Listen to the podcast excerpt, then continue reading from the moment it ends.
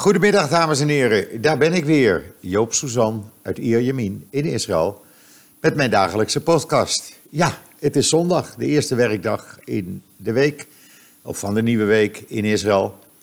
En vanavond is het Chanukah, dus uh, scholen zijn vrij de hele week tot uh, volgende week maandag. En uh, ja, deze week valt Chanukah toevallig weer samen met kerst, dus het is ook wel speciaal. je ziet dan overal in het land verschillende plaatsen. U kunt het op mijn timeline zien, bijvoorbeeld. Uh, in Nazareth, uh, in een shoppingmall, een kerstboom naast een menorah. En zo gaat dat uh, hier in Israël. Overal in de straten zie je grote menorahs van de Gabat-beweging. Die worden dan elke avond, wordt daar een lichtje aangestoken. En ja, ik doe het zelf ook. En zaterdag komen alle kinderen, dan krijgen ze ook cadeautjes zaterdagmiddag. Dus dat wordt weer heel gezellig. En dan het weer in Israël. Ja, we hebben nog steeds uh, 21, 22 graden, blauwe lucht. Zwak briesje, heerlijk winterweer. Maar het gaat veranderen, zei Bredero. Uh, vanaf dinsdag uh, komt de winter weer terug. Krijgen we zware regenbuien, sneeuw op de Germon.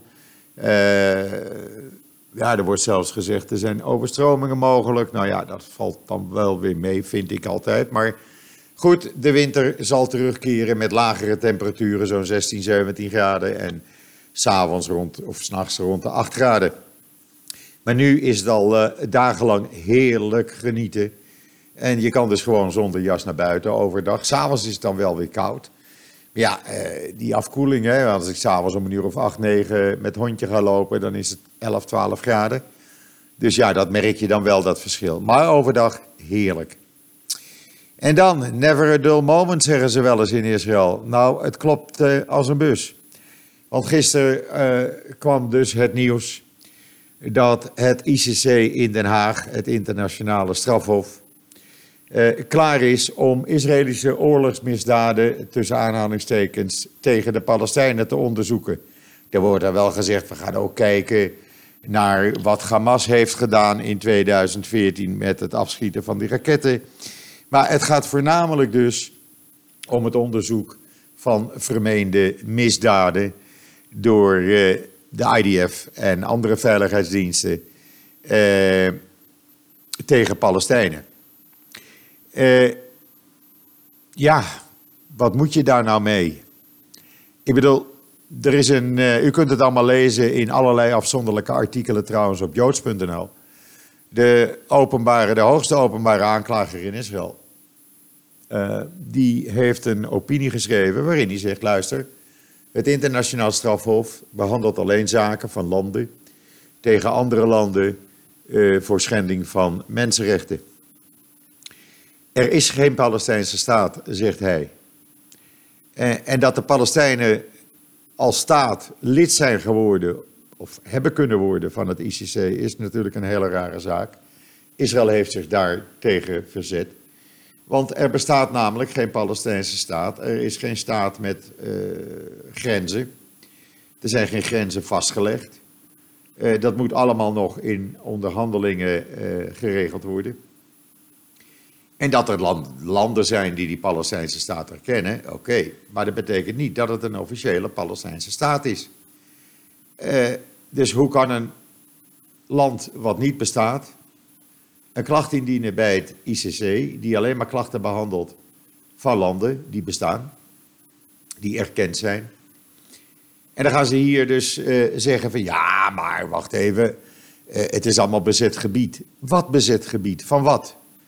Bezet gebied van wie? Als er al sprake is van bezet gebied, eh, even een, uh, ter herinnering, in 1947 lag er een verdeeld, verdeeldheidsplan door de Verenigde Naties opgesteld. En dat ging uit dat de westelijke Jordaanoever bij Israël zou behoren. Toen kregen we dus de oorlog in 1948, na het onafhankelijk worden van Israël, waarbij Jordanië de westelijke Jordaanoever inpikte. In 67 heeft Israël dat weer terugveroverd. En dan kan de hele wereld wel roepen, ja, dat is bezet gebied. Maar het is geen bezet gebied, want er is nooit een Palestijnse staat geweest. Het was altijd uh, Brits mandaatgebied, daarvoor Ottomaans. Uh, dus het is altijd een gebied geweest wat aan niemand toebehoorde. Eh, de Britten hebben eh, eind jaren 40, dus in 47, 48, samen met de Fransen wat strepen getrokken hier in de, in de regio.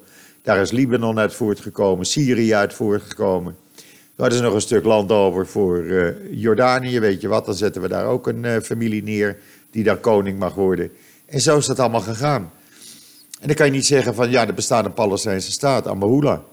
Uh, bestaat dus gewoon niet. Dus dat het ICC nu uh, deze zaak gaat behandelen, ja, dat is natuurlijk een hele rare zaak. Er is wel bijgezegd door die dame, die openbare aanklager van het ICC, dat ze het voor, gaat leggen aan de internationale rechtbank binnen het ICC. En die moet dan bepalen of uh, het ICC inderdaad Israël kan gaan aanklagen voor oorlogsmisdaden.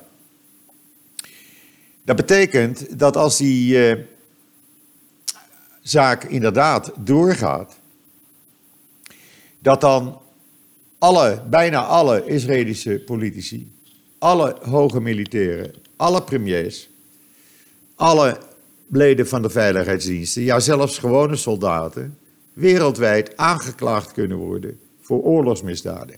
Hoe vind je die? Dat betekent dus dat iedereen die in dienst heeft gezeten, gewoon aangeklaagd wordt. En dat is natuurlijk een hele rare, achterlijke zaak als dit gaat gebeuren. Het is precies zoals uh, uh, zei. Uh, wij, wij kunnen niet eens in ons Bijbelse Joodse land leven. Dat mag dan niet van het ICC.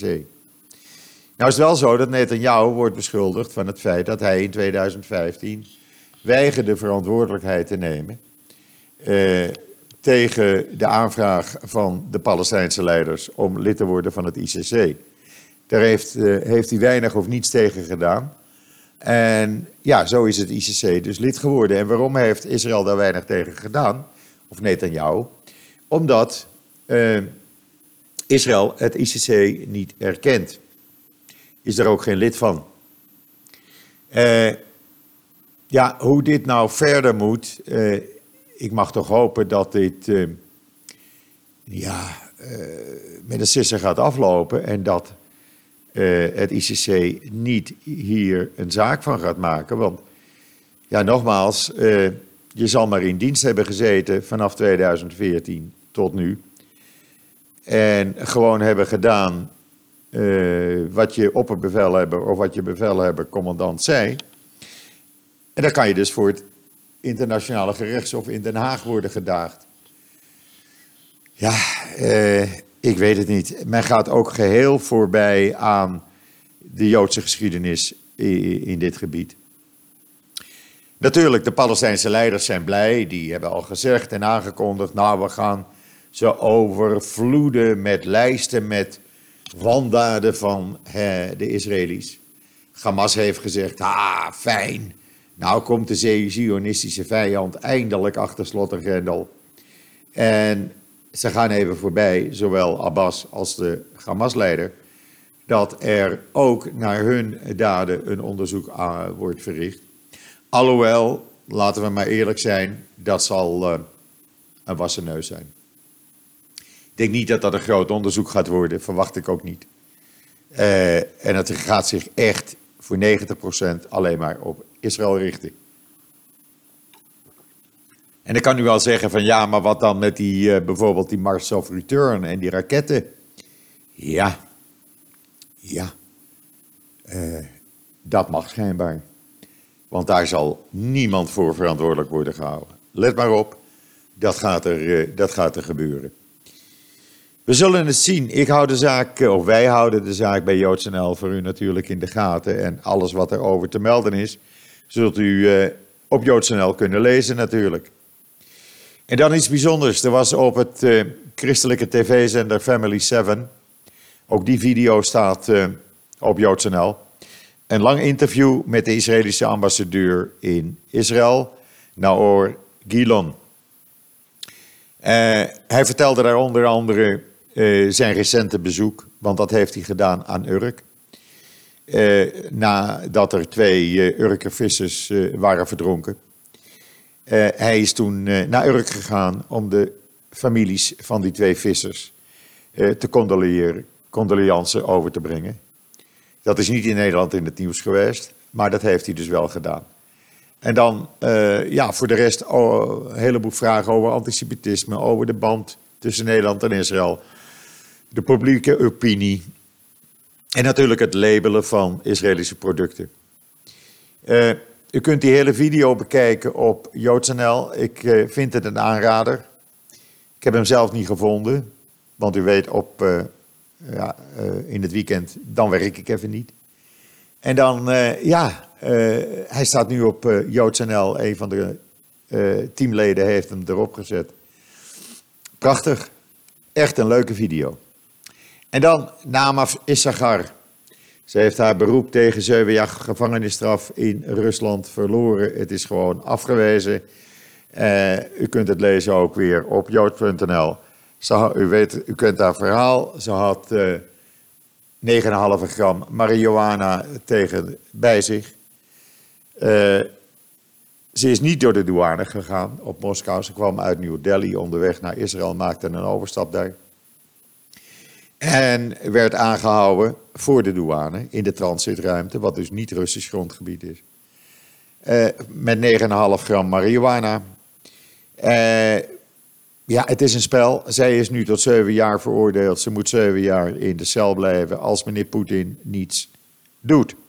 En vooralsnog heeft Poetin hier niets tegen gedaan. Nou is het zo dat Poetin op 23 januari naar die antisemitisme-bijeenkomst uh, van allerlei wereldstaatshoofden in Jeruzalem komt. Daar komt ook koning Willem-Alexander naartoe. En er gaan stemmen op in Israël om te, ja, Netanyahu te bewegen. Luister, het is dan zo'n goede vriend van je. Hij gaat niet eens in op jouw verzoeken. Hij gaat niet in op de verzoeken van president Rivlin. Uh, weet je wat, laat Poetin maar wegblijven. We hoeven hem niet. En die stem hoor je steeds meer in Israël, want dan is het hele Poetin-gedoe een beetje zat. Het is een politiek spel waar een onschuldige jonge vrouw van 26 jaar uh, de dupe van is geworden. En die zit al vanaf april in een Russische cel. En ja, ze ziet er heel slecht uit als u op die video kijkt op joods.nl. Kunt u het zelf zien. En dan. Uh, ja, er is, uh, u weet, Tel Aviv is eigenlijk ja, de, de, de vegan hoofdstad van de wereld. En er is een restaurant van Miraf Barzilai, die startte dat in 2002. En de producten die daar verkocht worden, die komen rechtstreeks van de boerderij. Dus van het land naar je tafel in dat restaurant. En zij maakt, ja, zij, het is de boerderij van haar familie, een biologische boerderij uh, in een moshav.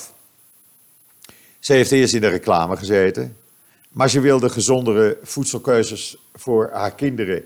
Ja, dus ze begon een beetje te experimenteren en is nu een van de bekendste veganistische restaurants in Tel Aviv. Uh, ja, ik moet eerlijk bekennen, ik eet de laatste tijd ook steeds vaker uh, vegan hamburgers of vegan vlees of dat soort dingen. En ik moet zeggen, ik vind het toch best lekker. Je merkt amper het verschil. En uh, ja, ik ga het steeds lekkerder vinden. Alhoewel, een stukje vlees op zijn tijd laat ik ook niet staan natuurlijk. Maar nogmaals, het is, uh, ja, ik vind het een aanrader. Je moet er eventjes je, je knop omzetten, maar het is oh zo lekker. En als u dan kijkt op de video en in het artikel, al die heerlijke producten die zij dan in dat restaurant maakt. Ja, ik, uh, ik denk dat ik er maar eens een keer naartoe ga. Want het is uh, ja, een aanrader. En dan Hamas en Islamic Jihad. Die zijn weer vriendjes. Ja hoor, ze hebben weer handen geschud. En ze hebben afgesproken dat als er uh, in de nabije toekomst weer een conflict komt, dan zullen ze gezamenlijk optrekken. U weet, in november, die twee dagen, stond Islamic Jihad een beetje alleen ervoor. Ze vonden dat niet leuk dat Hamas niet meedeed. Uh, maar ze zijn het weer eens. En onder druk van Iran zijn ze weer vrienden en vriendinnen geworden.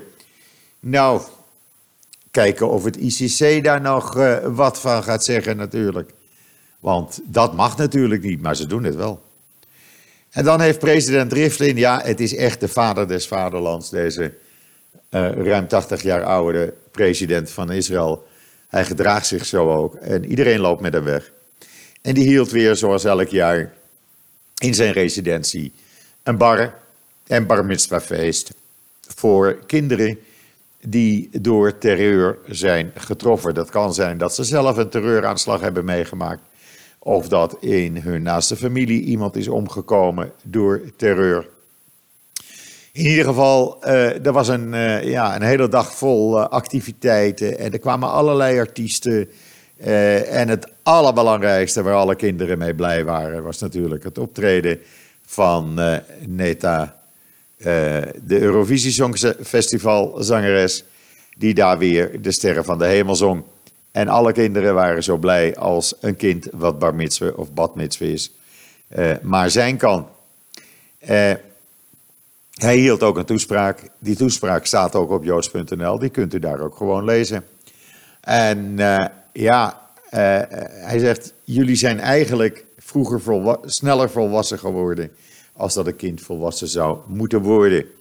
Jullie hebben allemaal het verlies meegemaakt van een vader, een moeder, een broer, een zus of een ander familielid. Of jullie zijn zelf gewond geraakt bij terreuraanslagen. En jullie zijn veel te vroeg volwassen geworden.